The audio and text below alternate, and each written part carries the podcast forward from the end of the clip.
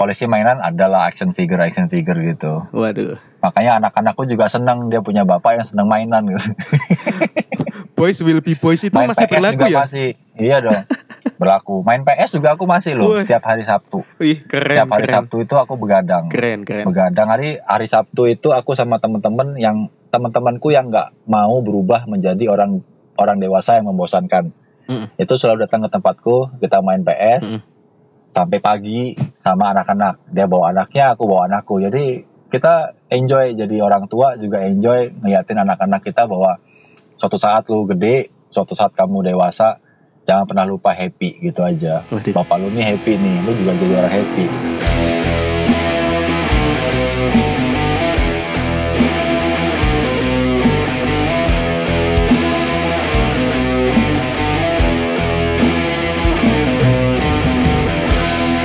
Selamat datang di rumah podcast bersama saya Ruben Mahendra. Kali ini kita kedatangan tamu yang jauh-jauh nih dari Bali. Halo Mas Christian Bagus Anggoro. Hai hai, hai Ruben Mahendra. Ya, ya, ya. Apa kabar kalian semua di sana? Ya, Thank you sudah diundang hadir di rumah podcast. Iya. Ini gentengnya di mana ya? Nggak kelihatan gentengnya. kita tag jarak jauh nih.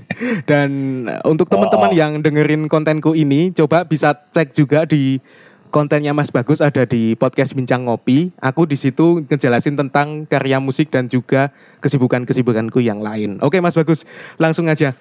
Ini kan tinggal di Bali Siap. gitu kan? Emang dari kecil dulu memang di Bali atau belum lama ini di Bali?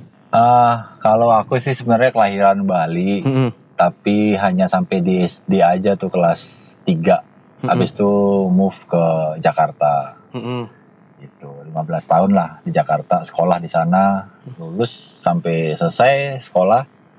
Ya kita mencoba peruntungan di daerah-daerah lainnya sambil Mm. jalan-jalan keliling-keliling termasuk Yogyakarta juga dulu. Hmm, Tuh. sempat di Jogja tahun berapa Mas Bagus? Wah kalau tahun tuh sekitar 2004, 2004. cuman satu tahun sih di sana, Mm, Oh, satu iya. tahun di Jogja di Godean dulu. Oh di Godean, oke oke oke. Ah, Hmm. gini Mas Bagus, ini ada berbagai macam hal yang ingin aku perbincangkan sih, termasuk nanti mungkin akan nyerempet-nyerempet ke dunia bisnis juga, karena ada beberapa irisan Wah, hal bisnis. yang ah, aku dan Mas Bagus hampir sama gitu ya. Yang pertama kan jelas ada Hmm. podcast Mas Bagus itu, ada namanya Yoi. podcast bincang ngopi. Iya. Terus yang kedua kan yang Ya. berkaitan dengan bincang ngopi itu kan harus ada kopinya itu. Kan Mas Bagus juga punya produk Harus kopi. dong, Terus harus. yang ketiga Yoi. itu sama-sama tentang musik dan spesifiknya musik Iya. elektronik. Nah, gini Mas Agus, Iya. kehidupan di Bali itu seperti apa sih? Maksudku ketika aku bayangin Bali itu sepertinya indah, Hmm. surganya musisi, dunia hiburan itu banyak dan ada surfing, terus banyak bule-bulenya gitu. Nah, coba ceritain gimana sih kehidupan di Bali itu? Wow, kalau diceritain apa namanya yang dirimu mau tanya ini Bali tahun berapa dulu gitu. yang sekarang aja deh, yang kondisi sekarang. itu Kalau gimana? kalau aku hidup di Bali ketika aku bilang Bali, pesonanya itu waktu aku bertumbuh ya, tentu saja Bali di zamanku tuh untuk semua kalangan itu bisa dibilang paradise. Musisi, pebisnis, pedagang, lalu apa pun itu ketika dari tahun 80 90 ke atas sampai tahun 2000 aku masih bisa bilang Bali berada pada top apa pun yang kita kerjakan di sini pasti dapat ruang, pasti dapat tempat, pasti dapat bintang. Hmm. Nah, kalau yang sekarang karena aku sudah lama nggak aktif lagi di kehidupan, apalagi kehidupan malam ya. Yap.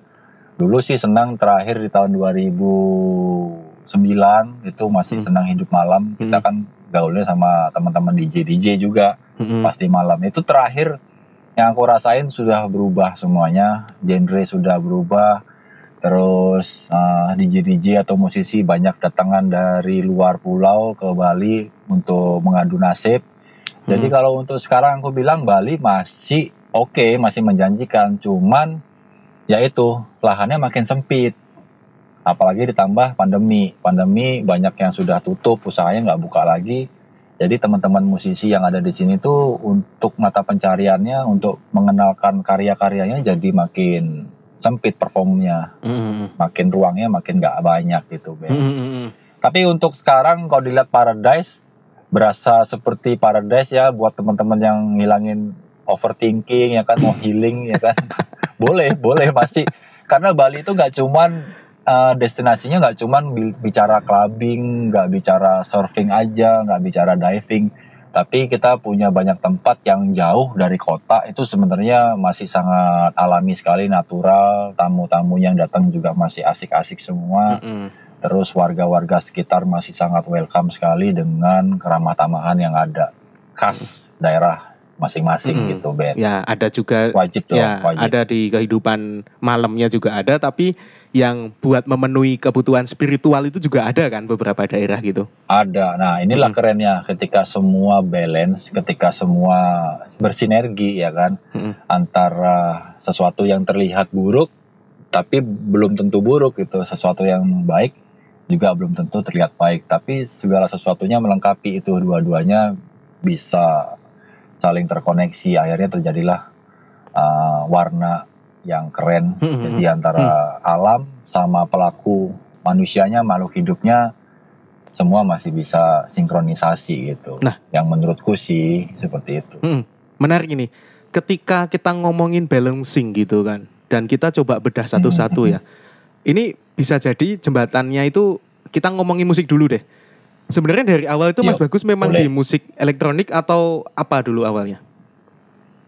Kalau musik aku dulu ngeband di Jakarta itu justru bandku tuh underground. Kita tuh black metal katanya. Black metalnya apa Mas Agus? kita black metal tapi aku nggak nggak apa namanya nggak 100% di uh-huh. apa namanya ke band. Dulu aku tuh uh, vokal. Oh iya iya, iya iya iya iya. Terus kita nyiptain lagu, aku senang nyiptain lagu. Tapi ketika naik ke atas panggung, demam panggung Ben. Jadi mundur mundur. Tapi udah beberapa kali manggung gitu? Nggak jadi. Nggak nggak pernah. Oh, justru pernah. pertama kali manggung lihat orang niat orang banyak. Dulu di gelanggang Jakarta tuh gelanggang ah. remaja. Itu ah. nggak ah. di luar prediksi. Karena temanku bilang udahlah kita main aja gitu. Mm -hmm. paling orangnya nggak banyak. Oke deh gitu. Ternyata orangnya banyak nah itu pertama kali hal yang memalukan buat aku naik ke atas panggung kita sudah latihan bagus. Akhirnya teman-temanku nggak jadi ngeband karena nggak ada vokalisnya gitu. Jadi bubar. Jadi seumur hidup itu benci sama aku. Lucu banget. Ternyata aku underground yang demam panggung masanya. Itu itu underground beneran tuh nggak mau terlihat gitu kan? Tetap di bawah tanah gitu ya? Iya. Tetap okay.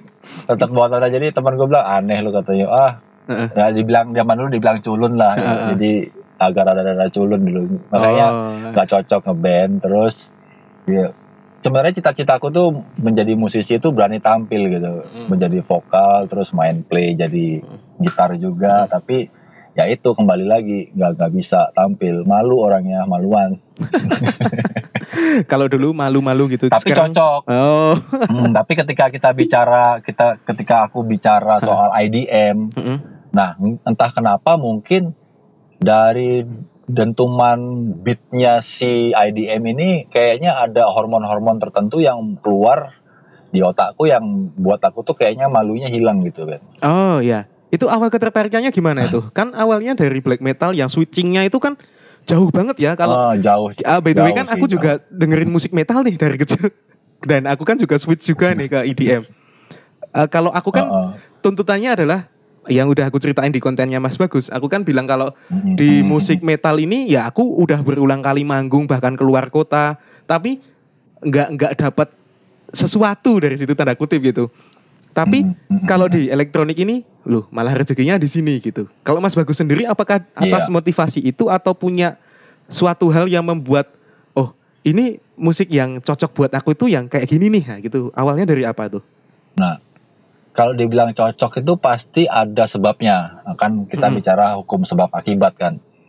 Nah, bapakku tuh juga suka rock, tapi dia suka semua genre sih senang karena juga senang musik ya 100% mereka hmm. pecinta musik mama mama papaku. Tapi di hal sisi lainnya papaku tuh lebih dominan dulu tuh sering mendengarkan IDM makanya yang tadi kita uh, sempat obrolin juga uh, ada trance ada techno ada industrial ada hard house. Nah ayahku nih pecinta hard house uh, industrial. Jadi sudah terbiasa karena beat yang kencang dari kecil. Oh. Nah, ketika aku ngelihat mereka main, mereka juga nge-DJ, kakakku juga nge-DJ, terus lingkunganku nge-DJ karena zaman itu eh, rumah papaku tuh kayak perpustakaan. Mm-mm. Jadi zamannya musik itu masih susah, eh, masih susah didapat. Papaku tuh punya koleksi musik banyak. Hmm. Jadi semua teman-temannya kayak musisi, Hmm. Terus teman-teman DJ atau teman-teman yang suka musik itu ngumpulnya di rumah dulu. Mereka Hmm. tuh ngelihat musik-musik mereka dengerin tuh kayak di setara jadinya rumah itu. Jadi teman yang pingin dengerin ini, pingin dengerin itu, jadi ngumpul gitu. Guyup lah nggak kayak sekarang Ah. orang suka musik mereka putar sendiri-sendiri di Oh. handphone pakai earphone jadi nggak ada nggak ada persatuan kayak wah lu denger lagu apa nih gue denger lagunya Bon Jovi oh ya kita nggak suka Bon Jovi tapi karena kita ngehargain teman ya udah denger dulu Hmm, sebentar. hmm, hmm. nanti gantian dong dengerin dengerin yang punya aku aku pengen denger lagu ini. Nah Oke. itu masih aku ngelihat ritmenya masih ada di situ. Akhirnya aku belajar banyak sekali eh, kondisi musik memori dan kenangan semuanya ada di situ. Akhirnya lebih dominan ke alat musik turntable ke DJ karena Hmm. uh, papaku kenalin sama DJ senior terus kakakku sekolah DJ sekolah DJ pertama di Bali aku sering diajak ke sana ngeliatin akhirnya ketularan dah. Karena mungkin karena saking seringnya bergesekan sama orang-orang nge-DJ ngobrol terus kayak terbiasa dengan dengan stage ya kan? Dengan stage-nya DJ itu di belakang ada turntable. Hmm. jadi kayak nggak berasa malu Ben udah kayak terbiasa aja. Mungkin kalau musik underground kan waktu itu umurnya jeda berapa tahun ya? Lumayan lama juga. Hmm, hmm, hmm. tapi ketika masuk ke wilayah uh, musik-musik elektronik kayaknya lebih dominan dan tahu sendiri Ben kalau kita di panggung kita bicara nge-DJ kan di depan kita ngeliatin orang-orang cuma pakai lampu aja ke Mm. DJ-nya cenderung gelap gitu nggak terlalu terang Iya iya iya. oke lah bener bener bener. Ada beberapa hal sih yang bedain ketika kita main DJ sama musik metal gitu ya. Kalau metal itu kan Ah, kelihatan apa ya? Walaupun crowd itu sama-sama seru sih sebenarnya crowdnya. Yang bedain Iya. cuma kalau musik dance kan memang mereka dancing gitu kan. Kalau musik metal kan mereka Mm-mm. lebih ada mosh pit, terus ada wall of death gitu kan. iya Ya beda. Iya. Tapi gini, mungkin pada saat itu ketika selera itu kita disatukan, sebenarnya kan awalnya memang Mhm. dari dulunya kan kita nggak ada rilisan secara digital nih. Walaupun ada pun pasti Hmm, terbatas iya, betul. banget. Dan dulu Betul. berarti itu sering ngoleksi-ngoleksi kaset juga. Wow, kalau papaku koleksi kasetnya kayak dia punya lemari itu panjangnya 3 meter, tingginya 2 meter. Mhm. Itu ada hurufnya A, B, C, D, E itu abjadnya masing-masing. Jadi musik itu kalau dipencet dia keluar sendiri gitu.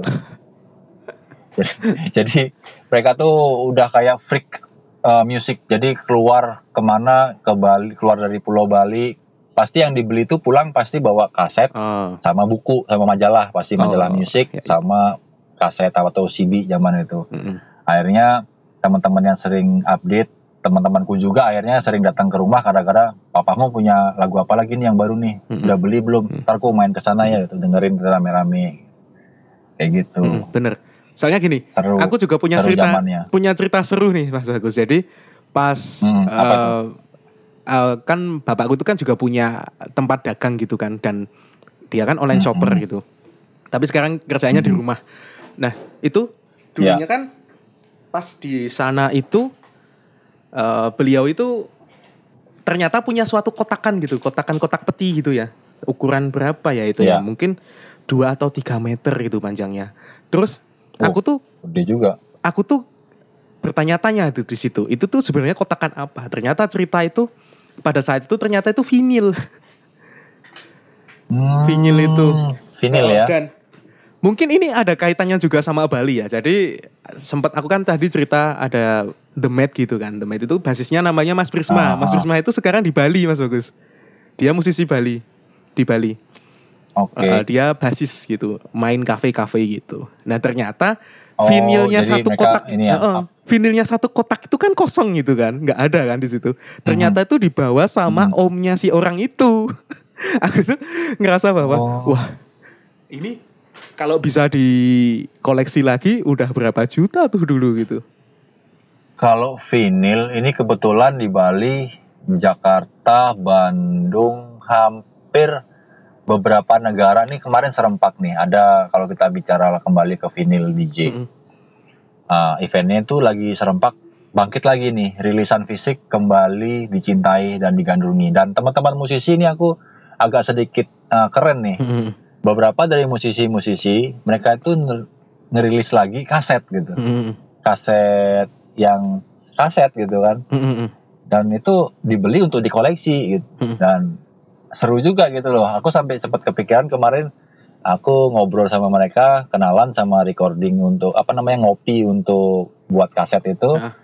termasuk keren juga gitu aku pingin buat edisi dua podcastku yang mungkin yang rame yang dengerin rame itu pingin tak jadiin kaset terus dibagi-bagiin keren juga kali Ben Oh. makanya fisik ini lagi bangkit ini ah, ah. A- apalagi vinil Ah, ah. DJ vinil kemarin temanku DJ itu habis tur tiga negara ke Belanda Hmm. ke Jerman terus ke mana itu ke Jepang Mm-mm. jadi mereka main lagi kenalin pakai vinil lagunya tapi lagu-lagu Indonesia dari tahun-tahun 60 sampai 70 ada Benyamin juga ada Adi Bing Slamet dan lain-lainnya tuh dimainin lagi di negara-negara tetangga gitu dan keren juga gitu loh Ah. asik gitu lagu-lagu dance Yap. tapi di remix di blend dengan nuansa dubstep gitu. Wah. house mantap, Mantep banget tuh. Sekarang tuh Indonesia Mantap, mantap talentnya ini. lumayan loh Mas Bagus kalau dilihat-lihat. Banyak-banyak banyak dari banyak kita itu dong. apalagi keluar gitu. iya Indonesia kan juga sudah punya Weird Genius yang sudah Mm-mm. masuk ke Tomorrowland itu Ah. mantap Terus ada musisi-musisi lain gitu. gak sih Mm-mm. nah, kayak dirimu tuh dengan karyamu kepingin ha- hadir di Tomorrowland atau di acara-acara party party gitu kan harus dong Ben Ke- kepengin banget Mas Bagus. Jadi gini, aku tuh sempat cerita di ini di podcastnya Mas Rama di TTM Podcast. Jadi yang bedain aku sama Mas Rama itu ada satu hal. Jadi kalau Mas Rama itu kan Hmm. sering bikin karya tapi dia nggak peduli siapa yang dengerin, gitu kan. oh, kalau- oh. Kalau Ah. aku semakin banyak crowd yang dengerin dan terlihat nih di depan mataku gitu, aku tuh makin Hmm, seneng. hmm, hmm, hmm. Jadi adrenalinnya itu makin Iya terpompa dong. gitu. Dan cerita sedikit Iya, ya ini, pas termasuk Nah, pas dulu awal-awal aku ngikut ngedet satu band gitu di Jogja namanya Divine Truth yang udah lumayan tua tuh bandnya itu. Aku tuh tiba-tiba dari Iya. jadi edit eh, apa tuh drummernya gitu. Pas di situ itu ternyata musik undergroundnya itu ada namanya Festival Bawah Tanah yang kelima. Itu bandnya ada sekitar Festival. 30 band Mas Bagus. Dan itu crowdnya. Wah, banyak banget orangnya ya ampun isinya itu satu gedung penuh orangnya itu. Itu langsung ngerasa deg deg deg deg deg, tapi kayak seneng gitu loh. Wah, asik juga ya dilihat di gitu. Bali dulu aku sempet nongkrong sama kawan-kawan di Bali ada namanya Underdog. Mm, mm, mm, mm. Underdog itu kumpulan dari teman-teman underground. Jadi Hmm. satu rumah gitu ngumpul teman-teman dari Malang, dari mana datang pasti ngumpulnya ke sana semua. Termasuk Oh. band Antipati paling sering datang ke Bali zaman itu. Oh iya iya iya Bali. iya iya iya. Ya ya. Kalau teman-teman sekarang kan Jogja aku juga sering ke sana. Lagi. Mm-mm, sudah sering nggak update lagi sama teman-teman underground di sini Hah. karena kebanyakan sudah pensiun jadi bapak-bapak, jadi ibu-ibu. Nah, ini kita sedikit ngomongin tentang keluarga Mas Bagus. Dengan dengan adanya Mhm. berbagai macam hal yang uh, kamu kerjain sekarang, itu Mm-mm. kan gini, aku tuh sebenarnya ngerasa bahwa sayang ya ketika teman-temanku juga udah ada yang menikah, udah punya anak, terus mereka itu putus karyanya, bikin karya itu putus. Nah, Mas Bagus Iya. ini gimana Mas Bagus ketika sudah punya anak dan keluarga itu gimana menyikapinya berkarya itu? apa namanya hal yang terpenting kita uh, rubah dalam hidup kita itu sebenarnya nggak ada gitu. Apa yang kita sukai ketika kita sebelum menikah harus tetap kita jalani. Jadi kayak apa ya dibilangnya? Uh, hobi terutamanya. Kita bilang hobi aja. Musik itu kan hobi. Hmm. terus kayak podcast itu hobi. Aku juga main motor. Walaupun masa laluku juga ikut balap motor dan lain-lainnya itu jadi hobi lagi sekarang. Mm-mm. jadi setelah menikah itu nggak ada yang aku rubah sedikit pun. Mau aku keluar sama kawan-kawan nge-DJ sampai jam 4 pagi, Mm-mm. masih boleh. Mm-mm. Asal besok tanggung jawabnya tetap Ah. nggak boleh miss, nggak boleh nggak boleh konsumsi alkohol berlebihan, nggak boleh apa gitu. Jadi ada tetap rulesnya dan kebetulan uh, pasanganku tuh memang paham banget lah soal gitu. Nggak ada yang boleh dirubah dari diriku supaya aku juga happy hidupnya. Yap. Ketika kita ada masalah kadang-kadang larinya ya tetap ke hobi gitu. Ah. tetap uh, ngerakit Gundam pun juga aku masih main gitu main Tamiya juga masih gitu Sampai sekarang Mas Bagus. Berarti punya koleksi-koleksi mainan masih gitu. dong koleksi mainan adalah action figure action figure gitu Waduh. makanya anak-anakku juga seneng dia punya bapak yang seneng mainan gitu Boys will be boys itu main masih PS berlaku juga ya? masih iya dong berlaku main PS juga aku masih loh setiap hari Sabtu Wih, keren, setiap hari keren. Sabtu itu aku begadang Keren, keren. begadang hari hari Sabtu itu aku sama temen-temen yang teman-temanku yang nggak mau berubah menjadi orang orang dewasa yang membosankan Mm. itu selalu datang ke tempatku kita main PS Mm. Sampai pagi sama anak-anak dia bawa anaknya aku bawa anakku jadi kita enjoy jadi orang tua juga enjoy ngeliatin anak-anak kita bahwa suatu saat lu gede suatu saat kamu dewasa jangan pernah lupa happy gitu aja Waduh, bapak lu nih happy nih lu juga jadi orang happy gitu asik banget tuh.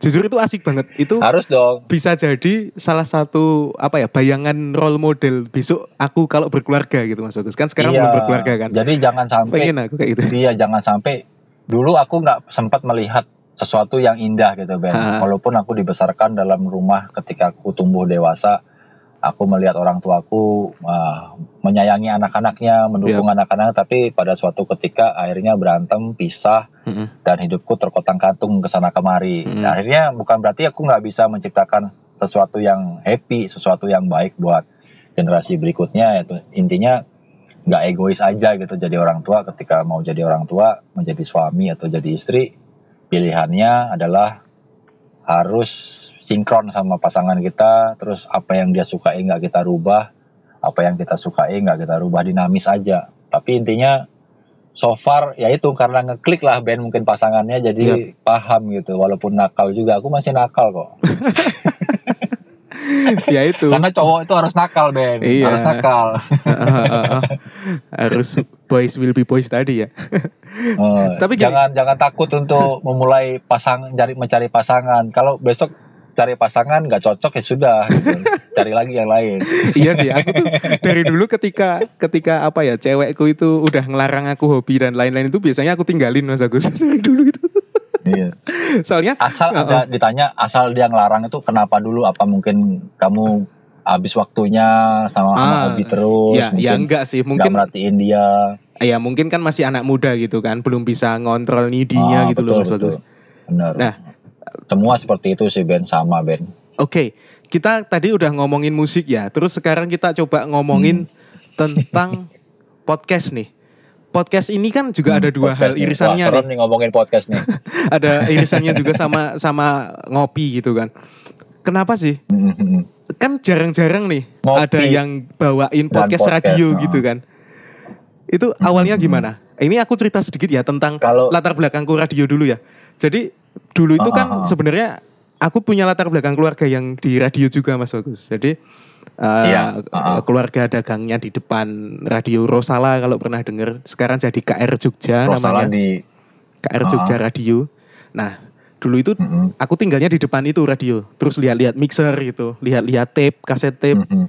masih itu jadi masih generasiku tuh masih mengalami di mana kita muter kaset itu pakai pulpen Hmm. itu loh. Kalau anak sekarang kan nggak tahu ini ini Iya. kotakan pita sama. Eh, pulpen ini apa sih Eh, Kalau sinkronasinya? di radio tuh ada alatnya tuh, alat untuk khusus uh, muternya ada dia ngedeknya. Eh, eh. Ca- capek lo dulu Ben kalau jadi operator operator radio tuh dulu kalau ada orang request lagu dia cariin lagu tuh dia stres lo pakai kaset belum pakai kasetnya kusut nanti Iya dan dan itu kan ada dua deck gitu kan. Satu decknya buat yang nggak diputerin di radionya, satunya yang di belakang gitu kan. Satunya yang Iya. uh, muterin di radio. Nah itu dari kalau aku kan memang mungkin punya basic di situ ya. Tapi dan Mhm. belum lama bikin podcast. Kalau buat jadi penyiar itu nggak kepikiran gitu. Nah kalau Mas Mhm. Bagus sendiri gimana nih? Awalnya itu ngepodcast itu gara-gara cuma iseng dari teman-teman denger atau punya latar belakang juga suka dengerin radio. Terlebih lagi konsepnya di Bincang Ngopi podcast, eh, podcast itu kan juga ada radionya juga. Itu gimana Mas Bagus awalnya? Iya, heeh, betul. Kalau dibilang kita nge-track ke radio, kalau aku radio tuh kayak sudah jadi jiwa, sudah jadi roh sebagai pendengar setia.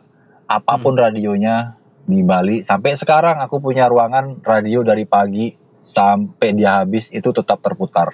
Hmm. Jadi teman-teman penyiar radio sampai sekarang tetap masih berkomunikasi sama aku.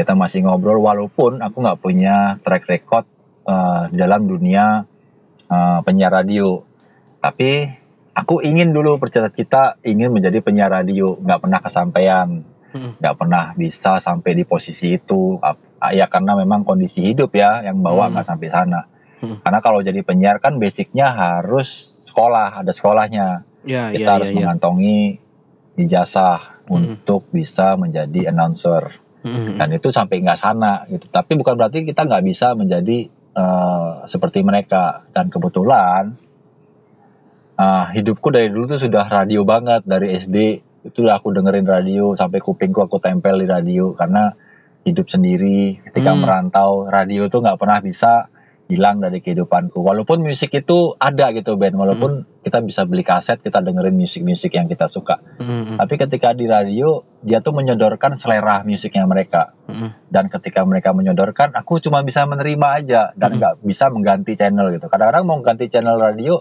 kayak ah malas nyariin lagi nanti balik lagi apalagi yang pakai kita putar-putar gitu kan nyari Mm. nyari gelombangnya jadi aku akan tetap stuck di satu radio Hmm. sampai kapan pun gitu sampai sekarang kalau aku udah stuck di satu radio sampai kapan pun aku nggak akan ganti itu gelombangnya Sekarang dengerin apa radionya yang sering? Kalau di Bali aku dengerin suara Sunari namanya karena Hmm. mereka memutarkan era 80 dan dari 70 sampai 90. Hmm. Kadang-kadang WhatsApp-WhatsAppan sama penyiarnya, aku minta lagu ini, aku minta lagu ini nanti mereka mereka bacain lagi. Hmm. Dan itu menjadi kebiasaan Hmm. uh, tongkrongan. Jadi di tempatku ada tempat tongkrongan gitu. Hmm. Jadi teman-teman tuh sudah terbiasa dengar radio. Ketika dia dengar radio, ini siapa siapa yang siaran bro? Oh si ini siaran Mbak Sari. Oh, jadi Oh, obrolan jadi gitu ya. teman-temanku yang nongkrong Mm-mm, jadi teman-temanku yang nongkrong di tempatku tuh nggak ada yang megang handphone jadi handphone mereka mereka taruh kita enjoy penyiar radio yang berbicara kita enjoy musiknya diputar gitu nah kalau radionya seandainya ada kan program tuh kalau programnya sudah berganti kita nggak senang baru kita matiin kita ganti dengerin podcast kita Oh. dengerin rame-rame Iya, gitu iya, iya. Ska- saat sekarang ini seperti itu uh, culture-nya di tempatku gitu Asik juga ya. Jadi edisimu dari awal sampai sekarang aku denger. Ah.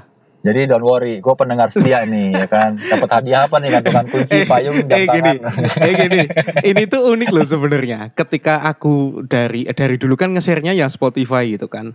Pas dulu itu sempat Hmm. ada orang Pogo tuh yang ngubungin itu, Mas Agus. Dan Hmm, terus Hmm. aku disuruh ngasih link RSS. RSS-nya itu tuh terus masuk, Iya, iya. terus dimasukin grup Telegram. Nah habis itu aku lepas tuh udah dua bulan tiga bulan ini kan. Terus terus Hmm. aku lihat gitu. Walaupun aku belum install ya. Temenku aku tanyain Iya. tuh si siapa itu si Rucan itu loh aku tanyain itu. Eh, Ah, coba ah, coba ah, coba di ya. screenshot punya aku gitu di rumah podcast itu gimana ya sudah ada 10 subscribernya ini siapa ini 10 ini gitu loh kan aku belum nge-share gitu 10 itu iya. nah ternyata Kalau di Pogo enaknya kan karena dia masih baru, jadi kemungkinan untuk mendapatkan hati seseorang kan akan lebih mudah gitu. iya Apalagi iya iya iya iya. yang namanya podcast kan nggak ada algoritma, nggak ada apa. Jadi memang bener-bener kita yang harus mengenalkan uh, iklim podcast kita. Sama kayak radio zaman itu kan Hmm. radio nggak ada iklan. Ah, ah, ah. Iklannya tuh harus gab- gabung bergabung sama nggak ada ya zaman digital seperti kita ngomong algoritma, di search engine, optimize itu nggak ada. Yap. Jadi orang-orang yang culture yang aku pelajarin tuh sebagai marketing juga Hmm. ya kita mengenalkan door to door terus kita mengenalkan pakai brosur pakai baliho atau pakai nempel di koran Hmm. seperti podcastku juga aku iklankan di radio gitu sekarang Oh iya iya, iya. audio only iklannya di Jadi- audio only juga gitu. Ah, ah. iya gitu jadi pendengar yang senang dengar suara pasti akan men- mencari sesuatu yang Berhubungan dia sama itu. sukai juga dari suara Iya. itu Ah, Iya ah. iya iya iya. Maka dari kurang itu lebih sih. seperti itu Maka dari itu juga nggak nggak nggak heran gitu ya Mas Bagus. Banyak musisi itu kan se- sekarang Ah. promonya juga di podcast. Memang orang-orang Iya. audio gitu ya yang sering dengerin. Mm-mm. Mm-mm. Audio tuh penting kalau buat aku selain dia nyaman, enak, terus nggak nggak ngelihat kalau visual kan kita harus ngelihat gitu Ben. Mm-mm. Kadang-kadang adalah aku sedang dengar podcast, dengar radio sambil kita kerja. Hmm. Jadi sambil nyetir, sambil ngopi itu Mm. bisa nyaman banget kalau buat aku gitu. Buat teman-temanku juga yang datang ke tempatku gara-gara cultureku uh, seperti itu, mereka jadi ngikut. Mereka dengar kadang-kadang lu dengerin apa sih gitu. Radio apa Ah. sih nih jam hari gini masih dengerin radio. gitu. Mm-mm. Tapi lama-lama karena dia sering nongkrong terbiasa. Jadi kalau dia denger radio di rumahnya dia nggak enak rasanya. Dia harus ke tempatku. Gitu. Di tempatku baru enak dia denger radio. Heeh, vibes-nya beda ya. Ah, vibes-nya beda. Itu yang yang yang penting sih sebenarnya ketika kita mengonsep ya apalagi kita tadi kamu bicara soal hubungannya ke sana. Jadi ya mengonsep sesuatu walaupun radio itu bukan milik kita tapi itu berasa kayak aku menjadi bagian dari mereka gitu. Oh, sampai sedih. Aku oke. pernah dulu di radio di, di Bali radio favoritku tutup. Aku sampai nangis, aku sampai sedih, aku sampai jadi pemabuk, aku minum. Why gitu? Kenapa harus tutup gitu? Kenapa harus bubar? Dan penyiar-penyiarnya sampai sekarang masih tetap ngobrol Hmm. kita ketemu. Kadang-kadang hari kalau mereka lagi libur. Dan mereka sekarang udah nggak jadi penyiar lagi mereka sudah Nah. kerja yang lain gitu. Karena udah radio sudah benar-benar dianggap kalau di sini ya kita ngomong daerah ya Ben, ya. bukan ibu kota ya kayak mungkin radio-radio besar mungkin pendapatannya banyak Hmm. dari iklan Nah. mungkin ngisi suara jadi voice over talent kalau di sini kayaknya agak sedikit belum sih. Jadi teman-teman tuh banyak yang mengundurkan diri Iya, menjadi Ya, sangat penyiar disayangkan ya. Dagang sekarang kebanyakan. Ah. Sa- saya benar banget. Em, para pendengar radio ini yang se- setia banget dengerin suara penyiarnya ini biasanya punya Mm-mm. bonding lebih nih.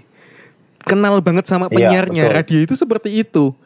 Uh, maka tidak heran Betul. ketika dulu kan aku ngerti banget nih Mas Bagus apa yang kamu rasain soalnya Mm. aku kan kecil di depan radio gitu dan dulu kan sering ngadain piknik juga sama pendengar terus em, Iya, apa ya kadang kita curi-curi request itu ya lewat lewat SMS sama penyiarnya langsung nggak sama. Oh, nomornya dirimu masih radionya enak. iya kan Kalau request, kalau requestnya pakai handphone, SMS masih enak.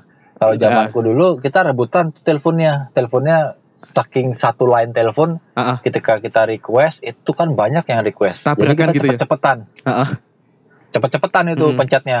Tatu tatu tatu tutu tutu tatu tatu tutu tutu ya sampai berhasil tuh rasanya kayak wah indahnya Iya, iya, iya. terus giliran kita request minta lagu ternyata lagunya salah jam salah program. Maaf mungkin lagunya nggak bisa tersedia di program ini. Mungkin di selanjutnya ya. Ya elah. Titip salam itu perjuangan itu ya? tempat lagi. Titip salam gitu. Iya Kalau dibacain, waduh, titip gitu. salam tuh kalau kalau titip salam tuh aku dulu nggak pernah pakai telepon. Ah, ah. aku selalu datang ke stasiun radionya Mm. pakai kertas surat gitu tulis. Ah, ya. Kadang-kadang penyiarnya yang ku titipin itu tak kasih ciki aku beliin ciper queen gitu. Aduh. baru biar cepet dibacain gitu kan. Aduh kebayang banget ini. Soalnya childhoodku kayak gitu Mas Bagus. Bener-bener di depan mataku kayak gitu juga. Iya. Um, mungkin ada beberapa Iya. hal yang berbeda gitu Ada. kan. Tapi nah. Pastinya. Oh gini, kalau kita kan tadi udah ngomongin radio, terus ngomongin juga podcast yang masih berhubungan sama radio Mhm. podcast ya dan juga Kena- musik elektronik. kena radio ya itu Dan kembali lagi karena Ah. nginfluence terus aku pingin punya radio akhirnya bersikaplah aku sebagai penyiar radio hmm, karena di penyiar ala-ala radio gitu itu ya. kan aku seneng Heeh. mereka berbicara dengan bahasa yang tertata dan santun gitu Iya betul. Jadi kebetulan aku senang menggunakan cara seperti itu. Ah, Jadi metode yang aku bawa adalah cara pendekatan seperti radio. Jadi kalau mau ngomong kasar sedikit tuh udah ketahan. Sekarang sudah jadi autopilot ya. iya. Jadi ketika mau ngomong di mikrofon atau di mana kalau sudah bicara, walaupun di podcast posisinya kita bebas mau ngomong kasar, Iya. kita mau ngomong yang Hmm. seperti apa gitu. Buat Hmm. aku itu no problem. Hmm. Dan itu juga aku temukan di podcast kamu. Kamu nggak pernah menggunakan bahasa-bahasa jelek. Gitu. Ya, Aku anggap paling tamunya lah. rumah podcast eh, rumah podcast adalah mungkin panutan ini boleh didengar nih sama teman-teman jangan berhenti sampai di sini harus Iya. terus berkarya episode-nya aku tunggu karena pendengarnya ini dari Bali ini nungguin nih ini kemarin lama itu terbitnya tuh ya dua minggu nggak Terima terbit kasih. loh nih Soalnya, soalnya baru banyak kerjaan yang kemarin-kemarin tuh bener-bener gak bisa pegang apa ya, pegang mic itu nggak bisa Mas Bagus. Pas dulu itu. Mhm, Tapi ini aku kejar lagi kan season baru gitu. Nah, so far kita udah ngomongin Iya. tentang radio, podcast dan juga musik ini. Mhm. Terus kaitannya bincang Mhm. pocket pot apa bincang ngopi podcast ini sama kopi itu apa nih? Kan Ini kadang-kadang kan Nah. dua hal sama-sama ada elemennya nih, elemen kopi sama Mm-mm. bincang ngopi podcast. Itu gimana itu? Itu sebenarnya aku suka musik, Mm-mm. aku suka story, aku suka bercerita. Makanya kan dia namanya diary podcast bincang ngopi, sebuah diary kan. Makanya apa unek-uneknya ada pikiran-pikiran tertentu itu aku tumpahkan di podcast sebagai wadah. Awalnya dulu pernah membuat namanya podcast mungkin bukan podcast yang aku sebutnya voice recording.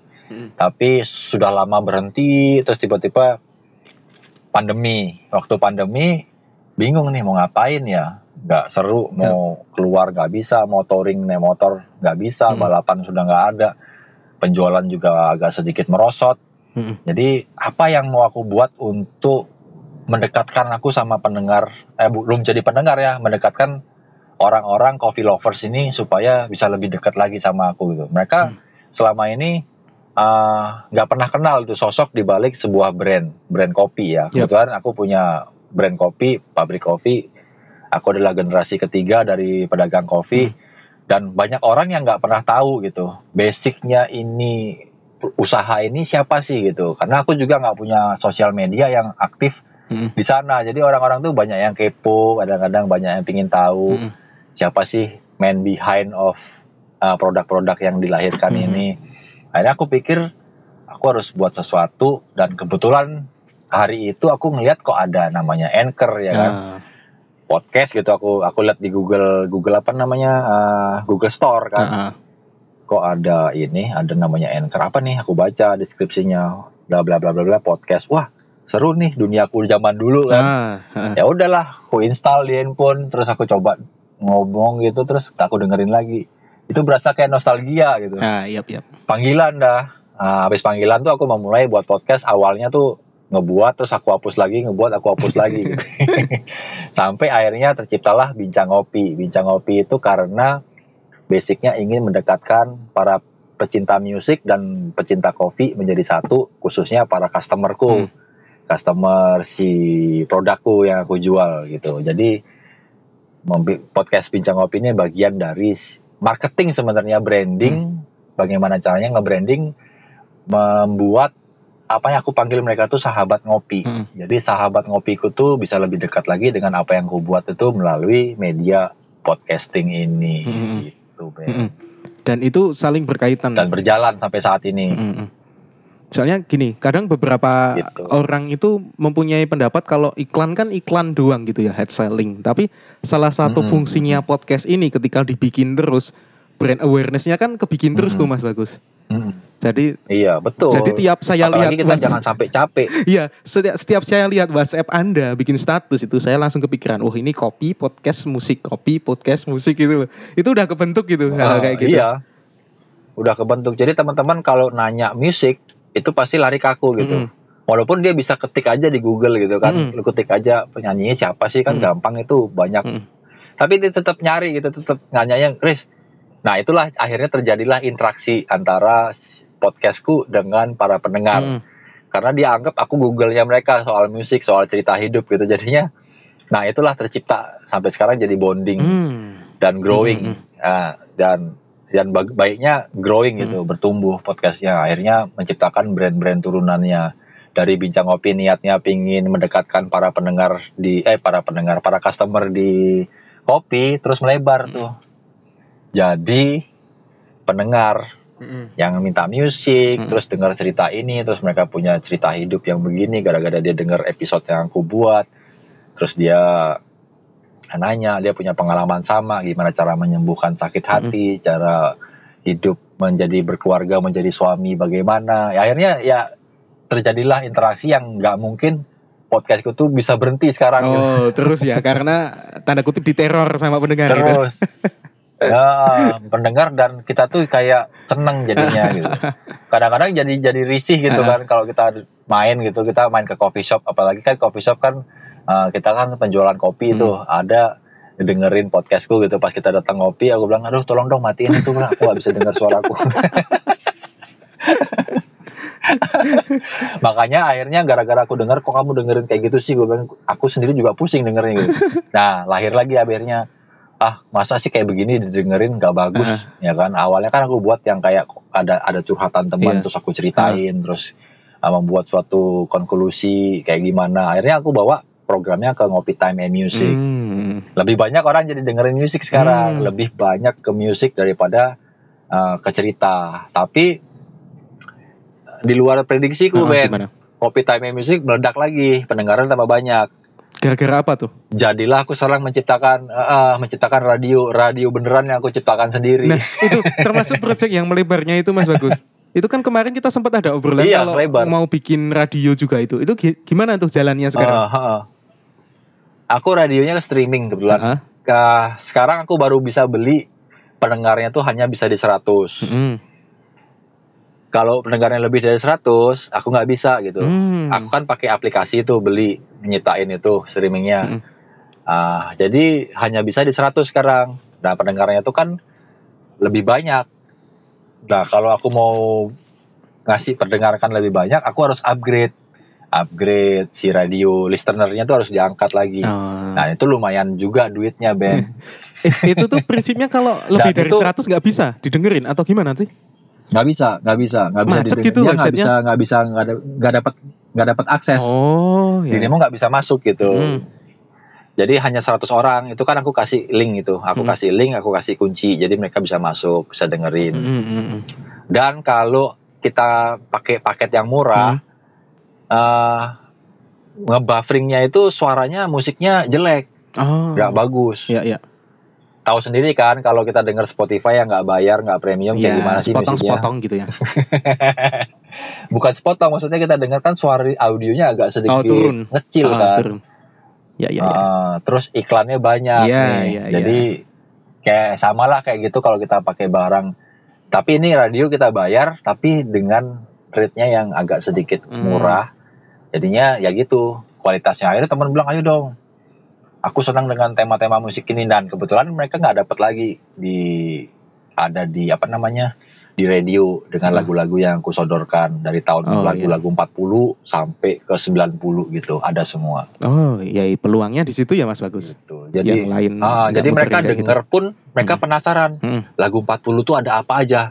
mereka nggak tahu judulnya, nggak tahu penyanyinya. Ah. Mereka cari di Spotify pun, nyari di Google pun, ya nggak mereka nggak tahu Ah. gitu kan. Mereka harus dengarkan di radioku. Ah. Oh lagu apa nih? Lagu siapa Ah. nih?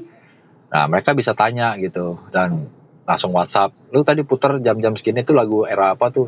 Penyanyinya kayak Hmm. gini, judulnya nih apa namanya? Eh, liriknya kayak begini. Apa itu judulnya? Ya udah aku kasih tahu. Oh, Ah. Baru mereka cari lagi lagunya, mereka koleksi di di album mereka. Jadi kayak koleksi gitu lagu-lagunya, playlist lah. Hmm. Apalagi ibaratnya sekarang kan tren kan itu. kadang cycle gitu kan. Eh, balik lagi ke Hmm. dulu gitu. apa itu Ben? Cycle. Oh iya iya kembali lagi Heeh, retro, heeh. ya betul. Kalau secara sosiologi Dan kan gitu. beruntung loh balik lagi. orang-orang Mm-mm. yang yang kolektor-kolektor ini beruntung Iya. nih, fashion yang punya jaket-jaket kuno, celana, sepatu, kacamata. Waduh beruntung deh. Mahal sekarang harganya Ben. itu Mas Bagus lihat gak di foto profile WhatsAppku itu yang sekarang? Coba lihat Mhm. jaketnya itu. Mhm. Jaketnya itu ternyata Oh. itu punya sejarah yang cukup panjang tuh. itu jaket Iya. tahun 80-an itu. Apa itu? Bomber. Eh, punya bapak itu. Itu jaket dikasih orang gitu kan. Oh, Terus eh, mengalami Ya. pasang surut lah jaket itu. Banyak peristiwa di balik layarnya. Dan eh, aku kirain jaketnya Top Gun. itu panjang loh, itu gede banget loh tuh. Padahal padahal badanku tuh gede, tapi jaketnya itu Iya. tuh kebesaran aku pakai. Itu gede banget jaketnya. ah enggak itu salah kameranya tuh kamu bilang badanmu gede Enggak, itu aku salah gede kamera loh. itu. Aku tuh gede loh badanku tuh. Nah, gini Mas Agus. Oke, kita cukup banyak nih ngobrolin tentang berbagai macam hal, Hmm. terutama tentang bidang audio ini ya. Nah, sementara Iya, ini Mas. Bagus, kalau untuk ke depannya selain tadi mau ngembangin radio, ada program-program selanjutnya nggak yang Hmm. ingin dibikin untuk ke depannya? Kalau aku sih sebenarnya kalau di podcast akan tetap seperti itu aja, tapi growing next stepnya si podcast Bincang Ngopi itu selain radio, jadi Bincang Ngopi post production, jadi uh, IO, Hmm, jadi nyiapin DJ DJ, voice talent, MC, asik tuh. uh, equipment, rental alat itu semuanya jadi ada di situ kan heran. Saya aku juga heran gitu kenapa bisa sampai sejauh ini. Nah itulah pentingnya ketika kita percaya kita mau menciptakan sesuatu kita ciptain aja berkarya biarkan nanti uh, alam yang menilai hmm. apakah kita layak uh, mau berubah hidupnya atau bagaimana kita dipertemukan sama siapa itu semua ajaib Ben jadi yeah. just do it aja uh -huh. never try never know yeah. kita nggak bisa kontrol itu ya yang penting kita jalan gitu kan iya yang kita bisa kontrol tuh apa yang mau kita buat buat diri kita yeah. sendiri dulu gitu mm -hmm. kalau kita sudah ngelihat itu kita buang ke publik nanti publik sendiri bisa seleksi apakah kita masuk atau enggak hmm. kita eliminasi atau gimana. Biarkanlah uh, jalan Tuhan atau jalan semesta yang ngasih kita mau sampai di mana kita. Yang penting kita lakuin yang terbaik aja Ben. Aku itu aja yang pernah aku sering lakuin sama diriku. Happy tentu harus bahagia. Yeah. makanya kalau kita happy kita mainkan. Yeah. makanya orang tuh kalau habis mandiin apa hewan peliharaan hmm apa mandiin burung gitu pagi-pagi ambil siul-siul kan biasanya kan seneng-seneng gitu. berantem sama istri Oke Mas bagus. Sebelum podcast ini iya. kita tutup, ada hal yang pengen disampaikan nggak kepada oh. pendengar rumah podcast? Pokoknya jangan pernah apa namanya nggak bisa bilang kita tuh nggak bisa gitu. Tetap percaya sama diri kita itu kita mampu melakukan apa yang kita bisa ciptakan selama kita mampu mau mewujudkan. Kadang-kadang ada orang yang bilang, ah lu kan nggak bisa, ah lu tuh begini, ah lu tuh begitu. Jadi kesampingkan saja itu semua, kita tetap percaya kalau kita uh, percaya sama diri kita, kita sendiri yang melihat visual kehidupan kita di depan mata kita sendiri, di pikiran kita kita ciptakan mau jadi siapa kita di masa depan, visinya ada, uh, misinya ada dalam hidup. Kalau sudah kita punya, tinggal kita menanti aja kapan Tuhan kasih jalannya, kapan semesta akan mempertemukan apa yang kita inginkan. Pasti semua akan terjadi, itu sih. Okay. Pokoknya believe yourself, percaya aja gitu sama mimpi lu. Mantap, percaya sama mimpi dan jangan harus, lupa bersenang-senang ya setiap bekerja. Iya. iya. jangan percaya sama mimpi terus pasang nomor jangan ya itu sudah ketinggalan zaman gitu. Sekarang mainnya slot ya, Gar iya, harus percaya kita habis bermimpi, harus itu ciptain kita kerja, bangun pagi, uh, olahraga, rajin makan, ya kan, teratur hidupnya. Pokoknya itu aja pasti terjadilah kehidupan yang baik. Oke, okay. okay. terima kasih Mas Bagus setelah bergabung di Rumah Podcast. Yo, Robin, terima kasih aku sudah diundang, sudah diizinin ngobrol cuap-cuap. Kalau kita ngobrol itu nggak ada habisnya yeah. Ben, karena lu tahu sendiri yeah. kita orang di sini senang ngobrol. Yeah. Ngobrol itu adalah bahasa kolbu ya. Iya, kan? iya. Kebiasaan ngeronda ya sampai pagi gitu kan. iya. Jangan lupa pokoknya selain bahagia jangan lupa ngopi gitu uh, aja. Oke, okay, teman-teman jangan lupa dengerin juga ya di podcastnya Bincang Ngopi. Nanti linknya aku taruh di deskripsi. Iya. Terus uh, kita Terima tutup kasih. podcast kali ini. Uh, saya Ruben Mahindra. Saya Christian Bagus Anggoro. Oke, okay, sampai jumpa di episode selanjutnya.